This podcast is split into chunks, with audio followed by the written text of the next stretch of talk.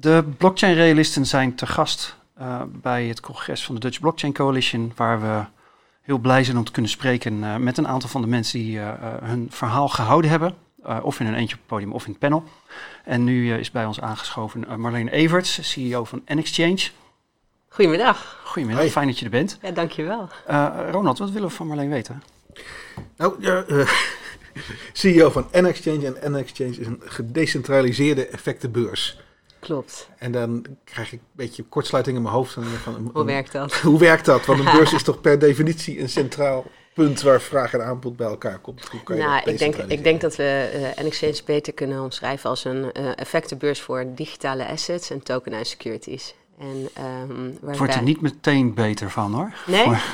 okay. Je gebruikt een hoop terminologie. Ja, Eigenlijk, om het gewoon heel simpel en plat te slaan, uh, kunnen wij het eigendom van alles um, digitaliseren en heel makkelijk overdraagbaar maken. En of dat nou het eigendom is in een bedrijf of in een auto of voor mijn part in een gebouw, um, dat, dat kunnen wij volledig organiseren van, van A tot Z. Um, nou, we hebben natuurlijk veel voorbeelden gezien uh, in, in nou ja, in de afgelopen twee jaar, waarbij uh, uh, we hebben gezien dat er veel ICO's uh, zijn geweest. Ehm, we hebben gezien dat er cryptocurrencies zijn ontstaan.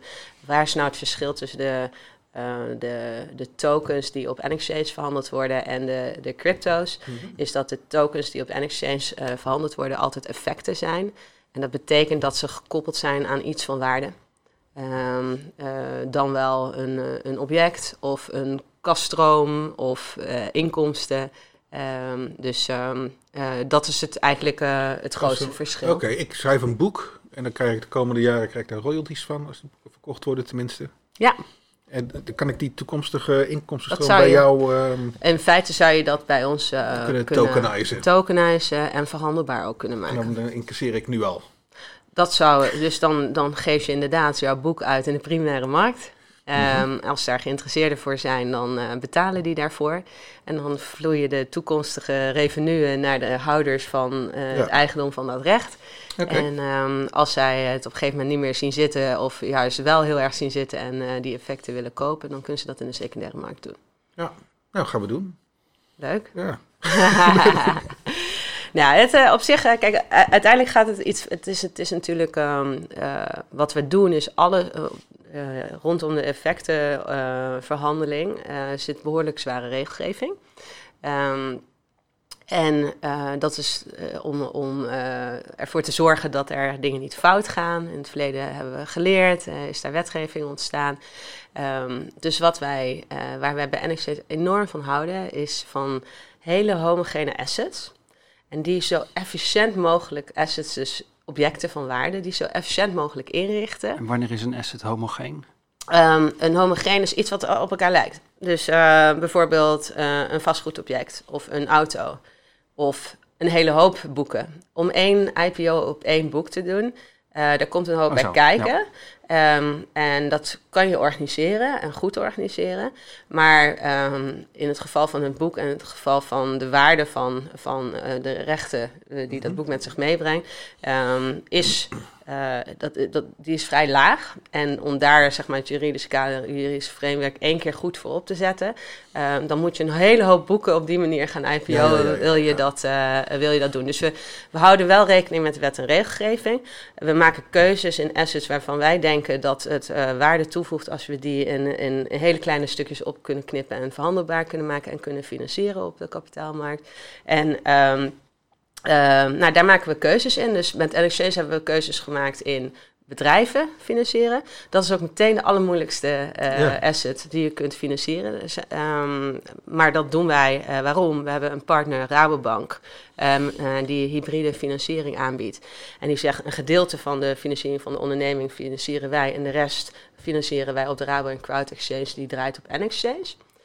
Um, het tweede tak... Maar het zijn wel effecten, dus dat is, dat Dat is, zijn eigen, dat is eigen vermogen. Ja, dat zijn eh, obligaties en aandelen. Oh, ook obligaties. Ja, beide. Oké. En ehm, eh, de tweede eh, tak waarop, waarop we ons richten is eigenlijk alle projecten die zich bevinden in, eh, ehm, in, in de energietransitie. Ehm, een goed voorbeeld daarvan is, wij zijn nu bezig met het tokenizen van daken. Daken op commercieel vastgoed. Um, nou, dat is, uh, daar, daar komt ook weer een hoop bij kijken als je kijkt naar de fiscale wetgeving, de juridische wetgeving, de effectenwetgeving. Nou, dat één keer kunnen we dat dan goed organiseren en vervolgens kunnen we honderden daken op die manier uh, noteren en verhandelbaar maken. Dus daken is een goed voorbeeld. Uh, we zijn met elektrische auto's bezig om die op dezelfde manier te noteren en verhandelbaar te maken. Um, maar we zijn ook met vastgoed bezig. Dus we maken wel elke keer keuzes over nou, welke assets specialiseren we ons in en hoe eh, bouwen we daar een product omheen wat zin heeft. Ja. Uh, en, en zoals je erover praat, associeer ik meteen het meeste naar bedrijven die dat dan interessant vinden? Of is er ook al toegankelijk voor consumenten? Nee, we, uh, in principe alle effecten die op NXC verhandeld kunnen worden, um, die mogen aangeboden worden aan, aan iedereen. Dus aan professionele beleggers, maar ook aan institutionele beleggers, maar ook aan retailbeleggers. Um, nou ja, um, als je dan het voorbeeld van de auto neemt, bijvoorbeeld. Dus het commercieel vastgoed, dat zijn daken op commercieel vastgoed. Niet iedereen heeft zo'n object. Mm -hmm. uh, maar als je kijkt naar de, de automarkt, ja, we gaan een, een, eh, een fase in waarin we uh, uh, moeten vergroenen. Waarin auto's groen moeten worden. en die moeten toch gefinancierd worden op een een of andere manier. En dan zou het al heel snel richting een retailpropositie kunnen gaan. Dus dat, dat, dat zie ik op termijn wel gebeuren. Waar de consument aankoop van een auto mee kan. Bijvoorbeeld, ja. Bijvoorbeeld, ja. Hm. Hey, en, en wat is er dan decentralized? Um, nou, wat, uh, wat wij doen is, kijk, uh, veel um, beurzen, ook de, als je naar de, naar de cryptomarkten kijkt, die zijn vaak heel centraal georganiseerd. Dus uh, ook al kun je wel van de ene beurs naar de andere beurs overgaan, dat doe je dan via een decentraal netwerk. De transacties op de beurs zelf zijn vaak centraal geregistreerd. Nou, met Nextchange hebben wij op dit moment zo'n centraal platform. Wat hebben wij um, anders dan de traditionele beurzen. Wij hebben alles georganiseerd op één zo'n core platform. Wat wij niet doen is de, uh, de opslag van de waarde. Dus dat wa wat waarde vertegenwoordigt, bijvoorbeeld een effect of geld of ehm, nou ja, misschien zelfs een voorraad. Um, dat wordt beheerd door een partij die daarop ingericht is. Dus het geld wordt beheerd door een bank. Het effect wordt beheerd door een, dat noem je een CSD, Central Securities Depository. En via blockchain-technologie tappen wij in op die plekken van waarde. En kunnen wij, doordat wij uh, kunnen zien wie wat waar goed voor is, kunnen wij um, real-time die oversteek doen. Nou, nu doen we dat nog centraal in een centraal ordeboek. En dat doen wij omdat op dit moment er eigenlijk geen noodzaak is om dat decentraal te doen omdat er simpelweg nog geen andere effectenbeurs is die ook tokenized securities kan en mag verhandelen. Zodra dat gebeurt, dan krijg je een situatie waarbij je het effect op onze beurs kan aanbieden, maar misschien ook op een tweede beurs. En dan uh, heeft het zin om het eigenlijk het ledger of het eigen, de eigendomsregistratie decentraal uh, te gaan organiseren. Ja, ja, ja, nou, dat, dat doen wij nu al. Wij zijn in een project met, uh, met Euroclear, zijn wij het, het ehm, ja, is, eigenlijk is dat niks anders dan in het geval van aandelen het aandelenregister. Om dat uh, op een, een decentraal ledger te administreren. Ja, okay. Dat is dus, ja, dus je, je bent als. Ik geef die dingen uit of ik laat dat door jullie doen. Ja. Maar, dan, maar dan ben je niet zoals in de oude situatie genoteerd aan jullie beurs. Maar je bent getokeniseerd volgens een bepaald protocol waar Nee, beide. Je bent genoteerd aan onze beurs. Okay. Op het moment dat jij. Uh, um, dus je hebt, uh, als je even een, stap, een simpele stap neemt, je bent een bedrijf en je wil een uitgifte van aandelen doen, dan moet er een, een beurs zijn die jou wil hebben. Die zegt van ik, ik sta jou toe als, um, als, als effect wat genoteerd is aan mijn beurs. Want anders sta ik daar bepaalde orders niet in toe. Nou, dat betekent dat, dat die beurs ook verantwoordelijk is om daar de rapportages over te doen. En dat, en dat blijft zo, ook in de meer gedecentraliseerde... Dat blijft ook in de gedecentraliseerde okay. omgeving zo. Dus ook al vindt er een, een uh, de settlement van een transactie, dus de waardeoverdracht, decentraal plaats, dan is er nog altijd een beurs die daarover moet rapporteren. Dus je moet eigenlijk lid zijn van een ja. beurs, ook al doe je dat decentraal, om een effect over te kunnen dragen. Uh, nou, als je dat dan vertaalt naar een smart contract, dan zou dat eigenlijk niks anders zijn dan een whitelist van een venue waar een smart contract op verhandeld mag worden. Boeiend. Maar wat heb je hier verteld in de zaal? Of heb je, heb je dit ook? Ja, ik moest vandaag even, even even um, ja, wat, wat dieper ingaan op wat wij op dit moment aan het doen zijn. Omdat veel mensen die hier vandaag zaten uh, mij kennen en mijn verhaal uh, van N-Exchange kennen. Dus wat wij echt hebben gedaan is we zijn in gaan zoomen op een aantal voorbeelden van projecten die we nu aan het uitvoeren zijn. Um, waarbij we uh, ja, eigenlijk... Um, twee, eigenlijk zijn we twee, ben ik twee dingen langs gegaan. Eén is tokenizen van assets. Um, dat, dat lijkt nu een heel nieuw en hip uh, ding. Uh, maar eigenlijk is dat iets wat we al honderden jaren doen. Ja. Uh, dat heet namelijk het securitariseren van assets. Dus um, het verschil is alleen dat de technologie is nu efficiënter geworden. De, het kan op een veel kostenefficiëntere manier, waardoor het um, waarde kan toevoegen om dat nu voor ook kleinere assets te doen. dus lees bedrijven die misschien een minder grote market cap hebben, of zelfs tot en met een auto aan toe. Dus daar zijn we op ingegaan. En daarnaast heb ik uh, uh, verteld hoe wij, uh, hoe wij omgaan met dat vastgoed, met, met het, het, het, het, van daken. Um, hoe wij daar ja, eigenlijk in het begin van de lifecycle eigenlijk al een, een, een dakpaspoort creëren. En dat wegschrijven naar de blockchain. Dat dat volgens dat paspoort mee kan verhuizen met het effect en dus degene die eigenaar is van het effect dus ook altijd de informatie beschikbaar heeft die van toepassing is op het onderliggende asset hoe, dat, hoe wij dat organiseren. Um, daar heb ik over verteld. Verder heb ik verteld over hoe wij, uh, um, ja, hoe wij de IPO's gaan doen op de elektrische auto's. Mm -hmm. hoe, dat, uh, hoe dat in zijn werking treedt, wat de complexiteit is die daarbij komt kijken. Prachtig um, voorbeeld. Maar ja, ontzettend leuk, want het was een hele diverse groep van toezichthouders tot juristen tot academici. En nou, volgens mij zijn de hersenen wel, wel een beetje aan het werk gezet. Het is ook heel lastig om, om zo'n uitgebreid onderwerp in een heel, heel kort verhaal samen te vatten. En ja, was wel leuk. Dat, dat is hier natuurlijk voor dit interview ook een beetje de uitdaging. Um, maar je schetst een helder beeld volgens mij. Uh, we hebben natuurlijk een tijd achter de rug met, met uh, ook enorme cowboy-verhalen. Je, je, noemde de ICO-rage van twee jaar terug al.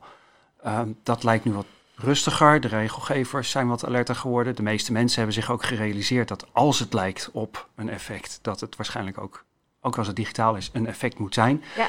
En dat je het zo moet behandelen. Wat zijn jouw verwachtingen voor het nieuwe jaar? Voor het nieuwe jaar? Voor jullie zelf, maar misschien ook voor de, de, de ontwikkeling. Nou, ik heb in, um, in 2017 zei ik dat het nog vijf jaar zou uh, duren voordat uh, eigenlijk alles, uh, um, voordat de hele kapitaalmarkt er volledig anders uitziet. En dat heeft een reden.